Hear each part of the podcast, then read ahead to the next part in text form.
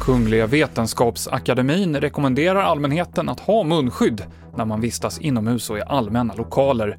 Munskydd minskar antalet partiklar som går ut från den som är smittad och antalet partiklar som går in i den som riskerar att smittas, det säger akademins covid-expertgrupp i sin första rapport, där det även står att bättre ventilation är viktig om man vistas länge med andra människor. Över 3500 av Vattenfalls och Elevios kunder runt om i landet är utan ström efter nattens och morgonens oväder med rejäla vindar. SMHI har nu tagit bort de flesta av sina vädervarningar, men en klass 2-varning för snöfall gäller för Västerbottens kustland, som kan få uppemot 3 decimeter snö sammanlagt under torsdagen.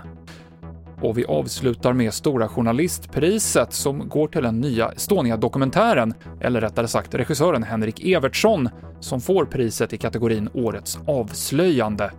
I dokumentären Estonia, fyndet som ändrar allt, visas nya bilder på ett hål i skrovet, vilket har lett till krav på en ny utredning om fartygets förlisning. TV4-nyheterna med Mikael Klintevall.